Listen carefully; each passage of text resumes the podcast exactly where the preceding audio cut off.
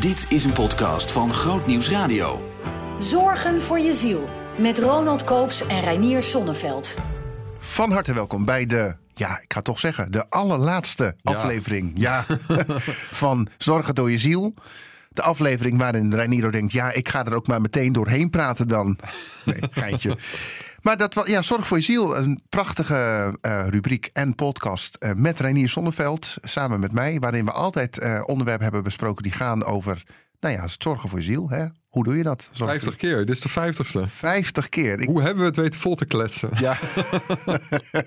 ik ben er ook wel een beetje trots op. Ja, en ik vond het een heel mooi avontuur. Maar wat ook prima is om nu weer gewoon een keertje weer mee te stoppen. Om dan misschien ooit het weer eens op te pakken of niet. Ik weet het niet. Maar ik ben in ieder geval trots op die, uh, op die 50 keer. En het uh, thema is natuurlijk ook heel uh, toepasselijk. Het gaat over afscheid nemen. En over rouw. En over, en over missen. rouw en over missen. Ja, ja, ja. Ik vond het ook wel weer een beetje somber om hiermee af te sluiten. Ja, ja, zeker. Dat maar goed, jij bent de theoloog en ja, jij schrijft boeken over van. geestelijke manipulatie. Dus ja, ik ga de grote leider natuurlijk niet tegenspreken hierin. Maar... Nou, ik, het is een vrij breed onderwerp. Dus het gaat, ja, het gaat ook over een geliefde die sterft. Uh, of, of, nog, of nog erger, zeg maar. Maar het gaat ook over dit soort dingen. Dus dat je gewoon een mooie klus had waar je aan gehecht bent. En, ja. en, uh, en, en wat je los moet laten. Het, gaat, het, het kan over de kleinste dingen gaan. Het gaat, ik heb moeten zeggen dat ik het ook ervaar als ik net een mooie serie heb gezien. Um, dus ik heb bijvoorbeeld, uh, daar hebben we het eerder over gehad, maar alle Friends-afleveringen gezien. Ja. Aan het eind moet ik dan, ja, je kunt het afkicken noemen, maar je kunt het ook rouwen noemen. En dat was het wel een beetje. Dus je moet, je moet iets loslaten waar je aan ja. gebonden Of een boek dat uit en denkt, ach, ja. Jammer, mooi, jammer. Al die emoties die dan door elkaar heen gaan inderdaad. Maar dus rouwen heeft eigenlijk met het dagelijks leven heel veel te maken. Het kan over, uh, nou verhuizen speelt er natuurlijk typisch bij een nieuwe baan speelt het typisch. Maar ook wel, je kunt ook wel iets abstracter rouwen. Dan kan het gaan over een verloren jeugd over een verlies van onschuld. Over de, ja, het, ja. het gaat over. Weet je, we zijn. We zijn heel erg. Uh, nou, we zijn natuurlijk verwant aan zoogdieren. En, en we zijn zelf ook heel erg. binden we ons aan meteen aan alles. Aan plekken, aan spullen, aan personen. Ja.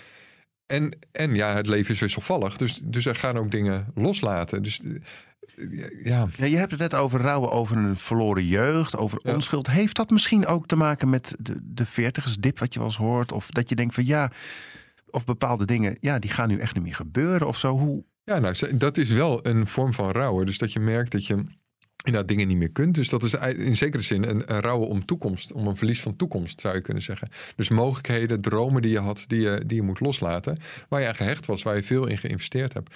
En in heel grofweg gezegd, besteden we ons de eerste 40 jaar aan, uh, aan, aan binding, nieuwe bindingen aangaan.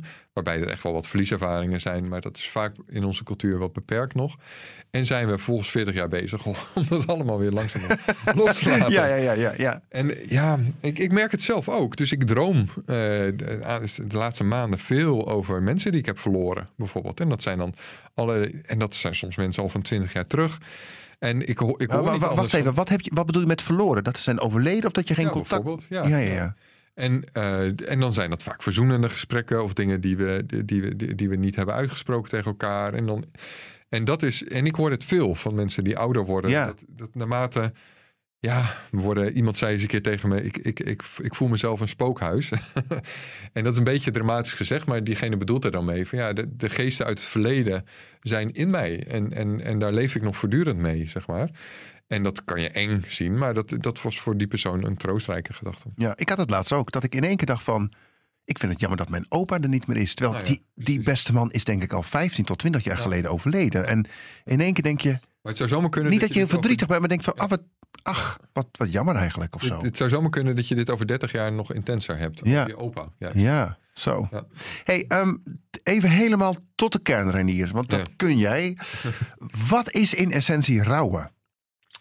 Ja, ehm, als je het een beetje technisch zegt, is het zoiets als je je aanpassen aan een leven zonder diegene. En, eh, Dus een beetje plastisch gezegd, het is leren lopen eh, terwijl je een been mist, bent gaan missen. Ja. Dus opnieuw leren lopen.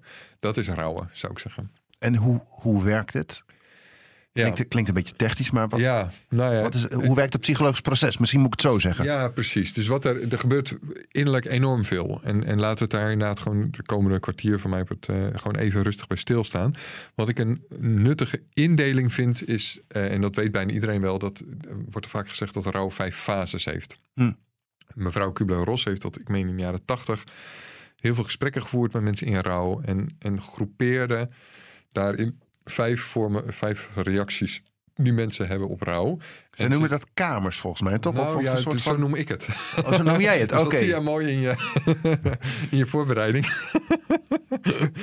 we kunnen dat nu wel verklappen aan de Ja, mensen, dat we, ook- zijn voorbereid natuurlijk. Dat we allebei een Ja. A4'tje voor onze neus Ja. hebben. En daar staat er wat in. Maar dan zeg ik ook dit tegen jou. Elke keer dat ik verbaasd was, het was allemaal gespeeld. Nee hoor. Nou ja, het, het- zij heeft het over fases. eh, en zo zien we het ook wel vaak. Dat rouw, je moet het verwerken, zeggen we dan, weet je wel. Dus, en, dan, en dan moet je altijd de fases achter je laten. Je merkt dat in de latere literatuur eh, er, er meestal wordt benadrukt... dat al die vijf fases eigenlijk voortdurend weer terugkeren. Ja, nou dan is kamers een beter woord. Exact. En daarom wilde ik het woord kamers introduceren. Omdat je zou het een beetje met een metafoor kunnen vergelijken. Er is een soort huis van rouw, een huis van gemis. En daar heb je gewoon vijf verblijven in. Vijf kamers in van emotionele toestanden. Waar je dus ook weer in kunt. Want fase betekent na fase 1 komt fase 2. En dat, dan is fase 1 klaar.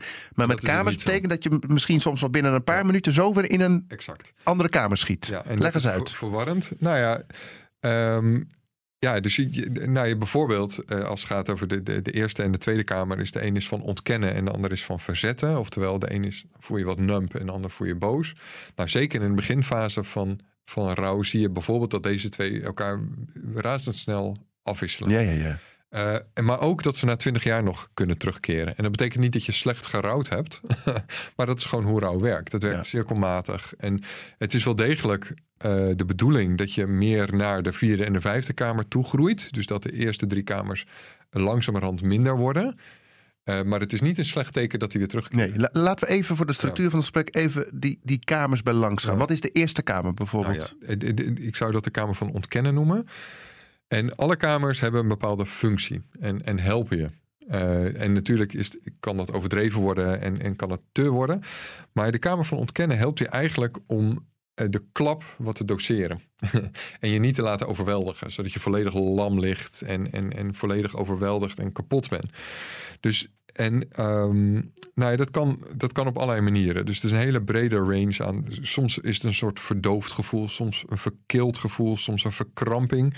Hmm. Het kan ook gaan over wat dan dissociaties heet. Dus dat je jezelf, dat je afwezig als het ware bent. Dat je, een beetje, dat je er niet helemaal bent. Of dat je Ja, ja, ja. warrig wordt. zeg Je bent er wel, maar ook weer niet. Dat, dat een beetje. Maar het kan Ja. ook gaan over heel druk zijn. Dus mensen, dat zie je ook wel, dat mensen eh, zeker vroeg in de vroege tijd in rouw enorm actief worden en de, de begrafenis bijvoorbeeld gaan organiseren of wat dan ook. En bam, bam, bam, bam, bam. En dat kun je noemen een vorm van ontkennen noemen. Ja, Omdat ja. daarmee. Maar Ja, de echte je- pijn, ja, het komt daardoor niet, nog niet, laat dat je nog niet binnenkomen. En dat is prima. Ja, oké. Eh, dus ik zou, ik zou daar mild mee zijn. Ja. Want, want de echte pijn is namelijk te groot. Die moet Ja. ook helemaal niet in één keer binnenkomen. nee. Dat is prima dat dat even dat dat in stapjes komt. Ik heb ook wel eens mensen gehoord die zeiden, achteraf dan natuurlijk, in die eerste fase eh, heb ik mezelf gedwongen om, om geen alcohol te drinken. Want Nou, als ik dan toen, dan, dan zou het misgaan. Alcohol is een typische, of, eh, of pijnstillers, dat zijn twee typische reacties op, op rouw. En dat ook een vorm van verdoven en ontkennen. Hmm. Eh, en dat, dat werkt een beetje. Eh, het probleem zeker met alcohol is dat je ook alleen maar, eh, dat je eigenlijk vooral focust. Dat is eigenlijk wat alcohol doet. Ehm, dus op het moment dat je één keer aan het verdriet denkt, dan wordt het alleen maar des te erger bij alcohol. Dus het is, het is niet een oplossing. En het, Nee, en je krijgt er minder energie van. Dus het is allemaal. Ja. alcohol moet je gewoon heel weinig gebruiken als je aan het rouwen bent. Maar in elk geval. Het is een nuttige fase om, om de, de klap een beetje uit te stellen, een beetje te spreiden als het ware. En, en dan krijg je ook soms wel complimenten, bijvoorbeeld ervoor. Hè? Dus je hoort veel, rondom begrafenis heb ik tot nu toe veel gehoord dat de rouwenden worden bewonderd. Van, oh ja, wat ga je dus verstandig mee om? wat ben je er sterk onder? wat ben je er sterk onder? Die hoor je Ja. heel veel. Ja. En ik ben er, ik was, ik, ik herinner me als kind dat ik daar al wantrouwig op, op Ja. was.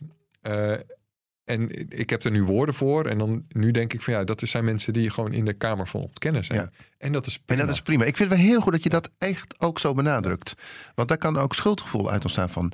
ja, maar ik voel helemaal niks. En Nee, een is dierbaar is overleden. En Het is goed dat je Ja. even niks voelt. ja, Want anders is het ondraaglijk. Ja. Het is ondraaglijk, een geliefde die overlijdt. Dus dat, dat moet maar even gewoon in stapjes komen. ja. Da- Daarna, wat komt, welke kamer komt daarna? Ja, we hadden het over verzetten al. Hè? Dus de emotie die erbij hoort is woede. Dus ik noem het even de kamer van verzetten. Maar de, de mensen die... En op wie ben je dan boos? Even heel pragmatisch. Ja, eh, dat kan heel concreet zijn. Dus bijvoorbeeld een schuldige. Dus het kan zijn dat... eh, Nou, bijvoorbeeld je geliefde kan overleden zijn. Maar die kan, eh, weet ik veel, te laat naar de dokter zijn geweest. En dan ben je heel boos op je geliefde. Oh ja. Die juist overleden is. Ja. die je mist. Maar het kan ook zijn dat er een verkeersongeluk is. En dan ben je heel boos op iemand die dat al of niet veroorzaakt heeft. Ja, ja. Maar het is veel vaker een heel ongerichte woede. Eh, het probleem is namelijk dat, ja, en dat is voor een deel de essentie van rouw, beseffen dat het onomkeerbaar is en, en dat er gewoon tragiek is in het leven. Eh, maar je lijf eh, gaat toch zoeken naar. Kan ik, kan, ik, kan ik hier iets doen? Weet je wel? Kan ik, kan ik nog wat? En Het is ook iets activistisch of zo, lijkt zeker. het wel. Je hebt, we hebben het in een Want woede is best actief en niet passief, zeg Zeker. maar. We hebben in, in, de, in, de, we hebben in een eerdere podcast over de vechten-vluchten-reactie gehad. Ja. Nou ja, dat is dit voor een deel. Het is de vechtenreactie. Oh ja, En, ja. en dat, is, eh, dat is best wel nuttig in veel gevallen, omdat er namelijk nog best wel eens wat te doen valt. Eh, en het is wel een manier om tot jezelf, en daarin helpt het je, om tot jezelf te laten doordringen hoe erg het eigenlijk dat er echt wat aan de hand is. Dus het botst heel erg met die ontkennerreactie.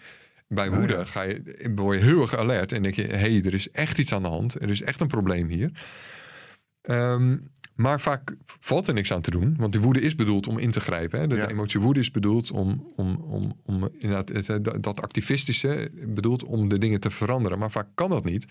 En dan krijgt die woede vaak ook iets ongerichts. Dus je wordt boos op alles. Je wordt een heel knorrig. Of op God misschien wel? Van waarom heeft u dit Op toegelaten? het Of- leven, op je jeugd, op alles kan langskomen. Ja, omdat je lijf vertelt, er is een groot probleem, Ja. er moet iets gebeuren, maar je weet niet wat. Maar even dit. Jij zei bij de Eerste Kamer van... eh, Oké, dat, dat, dat is goed om eh, hè, die Kamer van Ontkenning. Want je Ja. kunt de pijn... Wat is de functie van deze Tweede Kamer? Of heeft het een goede functie die ook verkeerd kan uitpakken? Leg Ja, dat eens nou, uit. De goede functie is, zou ik zeggen, om het tot je door te laten dringen, in tegenstelling tot ontkennen, dat er echt iets aan de hand is, Ja, dat er een ja. groot probleem is. En in sommige gevallen kun je ook nog wat doen, zeg maar. Hè? Dus op het moment dat je, ja, weet ik veel, soms moet je eh, even boos worden op de arts, eh, zodat hij wat harder werkt en, en iemand beter opereert, om eens wat te noemen. Ja. In sommige gevallen is er een schuldige, hè? Ja. En die schuldige moet worden op een of andere nuttige manier worden aangepakt. Ja. zeg maar. Je bedoelt die woede, die moet je dan niet eer zelf blijven. Die moet je ook gewoon kwijt kunnen als, als dat nodig Nou ja, is. daar is het voor bedoeld. Eh, maar in gevallen van tragiek, dan, ja, dan, nou ja, dan gaat het te ver. En dan, en, dan, en, en dan moet je ja, verder, zal ik maar zeggen. Of althans, dan is dit niet de meest nuttige reactie. Ja, ja. Ja. Eh, daarna komt de Kamer van Onderhandelen. Ja, Ehm, ja. Nou ja, ik, ik zou zeggen dat dit je helpt. Dus dat gaat nog wat dieper in op wa- wat valt er nog te doen? Wat valt er nog te redden? Dus het is als het ware dat je de, de speelruimte van de werkelijkheid onderzoekt. Dat is een beetje abstract gezegd. Maar er valt. eh, nou, ik moet denken aan eh, een, een vriend. eh, wiens vader overleden was. En, maar en voordat hij overleed, ging die vrouw heel veel bidden om genezing. Terwijl het ongeneeslijk was verklaard. En zelfs nadat hij was overleden. bleef ze nog heel erg bidden voor een opstanding van die man. En dat is dus de moeder van die vriend, zullen we zeggen. Ja. Ja, ja zeker. Wow. En dat is typisch onderhandelen. En, dit, en eh, ik denk iedereen die eh, serieus rouw heeft meegemaakt, herkent dit. We doen allemaal opeens gekke schietgebedjes. En zij deed dat heel publiekelijk en heel, heel, heel, heel helder, zeg maar. Maar Je legt je er niet zomaar bij neer, lijkt het nee, wel. en je probeert van, Ja. wacht even, valt er niet wat? Dus eh, de grootste atheïsten worden de grootste gel- gelovigen... of de grootste magische denkers, zou ik maar zeggen... Ehm, eh, in periodes van rouw. Omdat ze denken, ja, maar misschien is het toch nog een soort... eh, eh, eh, Ja. wormgat in Ja, werkelijkheid... Dat, ik, dat, het- dat het valt te redden. En nou ja, ik, ik heb een boek gelezen... dat heet eh, The Year of Magical Thinking... Eh, ik, ik kan nu niet even op de auteur komen. Maar goed, dat gaat uit dus een bekende schrijfster die vertelt over een jaar van rouw nadat haar man eh, overleden was. En dat magical thinking eh, is een soort typische vorm van onderhandelen. Dus ja, weet je, oh, geeft hij nu toch nog een signaaltje, weet je wel? Is, is het gemist niet, toch niet helemaal compleet? Want oh, misschien is die wel bij me. Dus heel veel mensen, echt verbazingwekkend veel mensen. Ik, ik meen iets in de sfeer van de helft, die horen bijvoorbeeld ook stemmen eh, van de Hmm. overledene. Of voelen de aanwezigheid van de overledene. Of denken signalen door te krijgen van de overledene. Dat, eh, en we, we, in onze cultuur schamen we ons daar een beetje voor en praten we daar niet over. Maar dat magische denken hoort bij rouwen. Hm. Het is als het ware je brein, je lijf, die, die, die schreeuwt om een, een, een soort mogelijkheid om de pijn maar te verzachten. En, en dit is ook de plek, we hebben het wel over manipulatie gehad. Dit is ook de plek waar veel religieuze leiders op inhaken. Ja. Want die zeggen, ja, nou inderdaad, er is een wondermiddel. Maar En wat is, dan de, wat is dan de functie van deze Kamer? Want sorry dat ik het zeg, maar jij zegt kijken wat er te redden valt. Ergens zal je toch tot de conclusie moeten komen bij overlijden. Er is niks meer te redden. Ik krijg mijn geliefde niet meer terug. Ik bedoel, Nee, klopt. En, en, en tegelijk eh, is er ook iets aan de hand dat er inderdaad dat specifieke is vaak onomkeerbaar. Niet altijd. Hè? Dus eh, rouw kan, kan ook gaan over bijvoorbeeld een verloren jeugd. Eh, om een voorbeeld te nemen. Nou ja, daar valt mee te onderhandelen. Weet je wel, dan ga je Ja. een motor, motor kopen. nee, maar eigenlijk zeg je dus, Ja. ehm, je kunt als iemand overleden is ook definitief last hebben van dingen die niet meer gaan gebeuren. Exact, zeker. Dat vind ik ook wel een hele bijzondere gedachte eigenlijk, om bij stil te staan. Zeker. En Want dan is het, want hè, ik bedoel, Ja. met, een, met een vader die, waar je bijvoorbeeld een moeizame relatie Ja. mee hebt, dan wordt het definitief. Exact. Dan kun je rouwen om wat er niet geweest is, En bijvoorbeeld. ik denk zelfs dat dat de essentie is van gezonde rouw. Dat je dat gaat constateren. Dat er dingen gewoon kapot zijn. Gaan niet meer heel worden. Die, die zijn onomkeerbaar. In Ja. Er is echt iets verloren. Ja, Eh, en ook, ook al geloof je in een leven na dit leven. Eh, zoals jij en ik doen. Ook dan zijn er dingen eh, kapot. En misschien Ja. worden ze ooit eens hersteld. Maar er is echt iets verloren gegaan. Je hebt geen leuke jeugd gehad bijvoorbeeld. Weet je? ja. Dus dat, en dat is, ligt, daar moet je mee omgaan dan. Ja. En daar heb je mee te dealen. Dus er zijn dingen echt serieus verloren. En nee, dat sorry waar je misschien zo op hebt gehoopt, op gewacht, dat gaat gekomen. gewoon niet meer komen. Nee. Nou en, en dus misschien dus in een leven na dit leven, dat kan hè. Ja, Ehm, maar het is tijdens je leven niet gekomen. En dat is een serieuze, onomkeerbaar ding. Want het Ja. verleden kun je niet veranderen. precies. En je kunt nog altijd de hoop hebben als iemand in leven van misschien komt het nog. Ja, En dat is eigenlijk de vierde kamer. Dus dat zou je de kamer van huilen kunnen noemen of van depressie. Wat er gebeurt is dat dat, de onomkeerbaarheid van de situatie, op een gegeven moment na die kamer van onderhandelen, eh, tot je doordringt.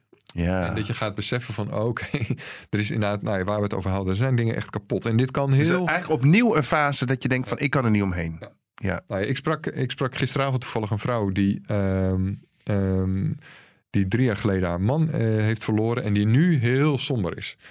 En dat is, eh, ja, dat, dat is ook wat hier aan de hand is, zeg maar. Of dat, dat, kan, dat kan een uiting zijn van deze kamer, zeg maar. Omdat eh, op het moment, het kan drie jaar duren voordat het is, tot je doordringt wat er echt allemaal niet, niet, is, eh, niet is gaan werken. En wat is de functie dan van deze kamer? Om, om Nou, dat een de- plek te geven. Om, Ja, dat, om daar de- rouw, echt rouw over te hebben. Nou, exact dat. De onomkeerbaarheid van de situatie. Het valt niet meer te onderhandelen. Het valt een aantal dingen niet te herstellen. Het valt ook niet te ontkennen. Dus al die andere kamers die hun eigen functie hadden. Maar de onomkeerbaarheid laat je, komt vol aan. Ja. In de Bijbel staat ook zo'n tekst, daar moet ik nu even aan denken. Dat zij bepaalde overleden personen aan het bewenen waren. Dus Ja, ik ben nou ja, dat- hele, hele, Ja. Dan probeer je eigenlijk, dus je hebt inderdaad dan klaagvrouwen bijvoorbeeld eh, ook in de Bijbel. En dat is eigenlijk een soort sociale, culturele manier om de- deze kamer, om iemand deze kamer in te duwen, als het ware. En, en, en, en dit kan een plek zijn waarbij je, nou ik las eh, een paar dagen geleden een, eh, een, een bundel interviews met Nick Cave, dat is een of andere zanger. En hij, hij heeft zijn zoon verloren en hij vertelt het over een, ehm, A Sense of Impending Doom, heeft hij het dan over. Dat is een Engels boek. Oftewel een, een, gevoel, een voortdurend gevoel van een, een, een, een, een, doom die over je heen... Die, die een overal deken misschien wel of Ja. zo. Een, een, een, Ja, dus, dus alsof alles elk moment kapot kan gaan. Ja, dus ja. gewoon, eh, en hij zegt, mijn vrouw dacht ook dat voortdurend... Het, het zijn een beetje zweverig gelovigen... dat er voortdurende ap apocalyps op het punt stond. Dat Ja. alles elk moment kon verliezen. En dat is dit in zijn naaste, eh, heftigste vorm. laatste kamer is de kamer van het aanvaarden. Hè. Dus nog Ja. even, even op een rij. Je hebt eerst dus eh, eh, de kamer van ontkennen. Dan de kamer van verzetten, onderhandelen, huilen. En dan de, uiteindelijk ja, dus uiteindelijk... aanvaarden. In de zin van, ja, je gaat overal, blijf je nog in terugkeren, zeg maar. Maar hopelijk kom je het meest in de kamer van eh, aanvaarden. En daar neem je al die erv- eerdere ervaring in mee. En dat betekent zoiets van, ja, je weet dat het onomkeerbaar is. Dat er echt iets kapot is. Dat ontken je niet. Je gaat niet doen alsof het eigenlijk toch stiekem wel goed was. Want dat was het niet. Maar je weet wel dat er meer is dan dat. Mm. Dus aanvaarden betekent dat je zowel weet dat er, eh, dat er iets echt niet oké was, dat er echt, echt iets verloren is. En dat het leven meer is dan dat. Dat er ook wel degelijk. Dus je vindt daarin nieuwe wegen tot vreugde. Ja. Om het zo. Hele rare vraag. Kun je ook op een verkeerde en dus ook op een goede manier rouwen?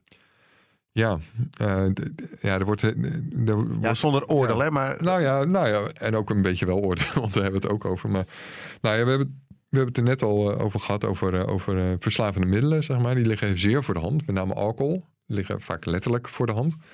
Ehm, eh, dat, dat is een echt niet handige manier. Ook, ook grote veranderingen in je leven in instantie is, is, is vaak een, wordt vaak tegen geadviseerd. Dus niet je baan opzeggen, niet een hele grote reis gaan maken. Allemaal dat soort dingen, maar het een beetje gewoon houden allemaal. En dat is dus gelijk dan de andere kant. Blijf een gewoon ritme volgen. Sta op tijd op bijvoorbeeld. Eh, ook, al, ook al is het bijna onmogelijk voor je, maar probeer een, een ritme gezond te blijven eten. En met name de grootste samenhang tussen gezonde rouw. Want ja, goed doen kun je het nooit. Want het is een, het is een soort devastating eh, iets, weet je wel. Het is niet... Ja, hoe Ja. kun je een goed ongeluk krijgen? Zeg maar, weet je wel? nee. Een ongeluk krijgen is gewoon verschrikkelijk. het is, rouwen is verschrikkelijk. Ja, Maar, dus, ja. dus je kunt niet op een goede manier een ongeluk krijgen. Maar goed, je kunt het op zijn minst niet erger maken, zal ik maar zeggen. maar eh, gekke vraag, Ja. eh, om mee af te sluiten. Draagt rouwen dan ook bij aan een wat meer doorleefde persoonlijkheid? Of want je hebt wel eens van die mensen die, die veel hebben meegemaakt, maar die daar ook heel intens en heel Ja. gelukkig ook soort van. Nou ja, ik denk, leven. het, het is inderdaad. Dus de, de belangrijkste is, eh, gaat over eh, contact houden met je omgeving. Dus de belangrijkste samenhang tussen mensen die gezond en goed rouwen, en, en eh, zal ik maar zeggen, en niet is dat die, dat die eh, contact dat die een, een goed sociaal netwerk hebben. En in die gevallen zie je ook wel eh, dat, ehm, nou ja, dat mensen uiteindelijk wat empathischer worden. Dus ja, je kan ook echt kapot gaan aan, Mm. eh, aan, een, van, aan, een, aan een rouw Ja, ja, ja. bitter te raken. En, en dat kun je mensen niet verbieden. Maar de- we hebben als mensen de mogelijkheid om voor het leven te kiezen.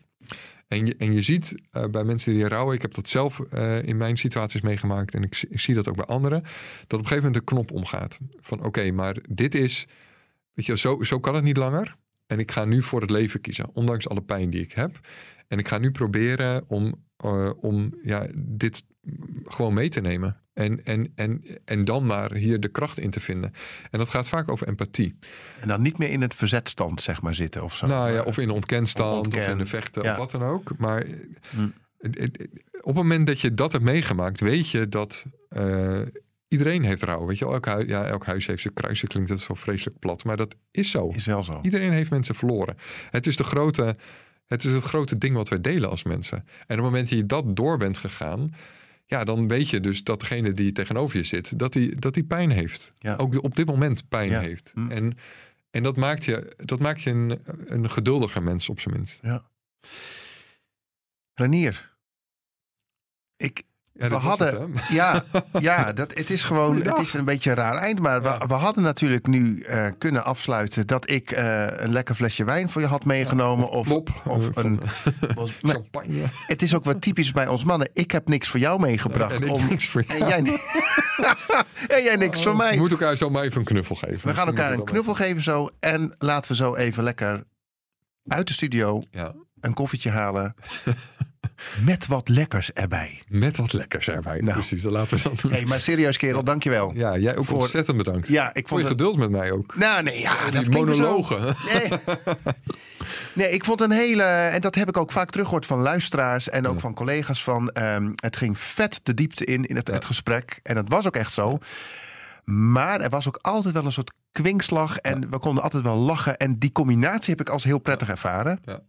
Want die dat is vaak zo, bijzonder. met alle respect... Nou moet ik geen, geen domme dingen gaan zeggen, maar in de christelijke wereld... of het is heel beetje losjes en denk van... nou, mag er wat meer inhoud Ja. in en heel grappig... of het is heel serieus, maar oerzaai. En ik denk dat wij best wel erin geslaagd zijn... om een soort combinatie te maken van heel serieus praten met elkaar... maar op het andere moment ook gewoon even Ja. dat kunnen laten vieren... en even kunnen lachen met elkaar. En gewoon zoals echte mensen gewoon met, met elkaar omgaan. Dus eh, ja, Leuk. Ja, ja eh, ik, ik deel dit. Dat vind ik ook inderdaad bijzonder, die combinatie. Ehm, Ik moet inderdaad eh, als voorbeeld denken aan een paar uh, podcasts geleden. Dat we een gesprek hadden dat ging over, over zelfmoord. Maar we hebben er ook flink zitten lachen. Ja. en, en, als ik aan ja. terugdenk, absurd kan dat wel. Uh, pikken ja, luisteraars dat wel. Maar het was gewoon wel zo. Ja. Ja. Dankjewel man. Jij ook bedankt. En uh, wellicht tot de volgende keer. Adieu. Zien in nog een podcast? Luister naar Zorgen voor je ziel. Via grootnieuwsradio.nl slash podcast.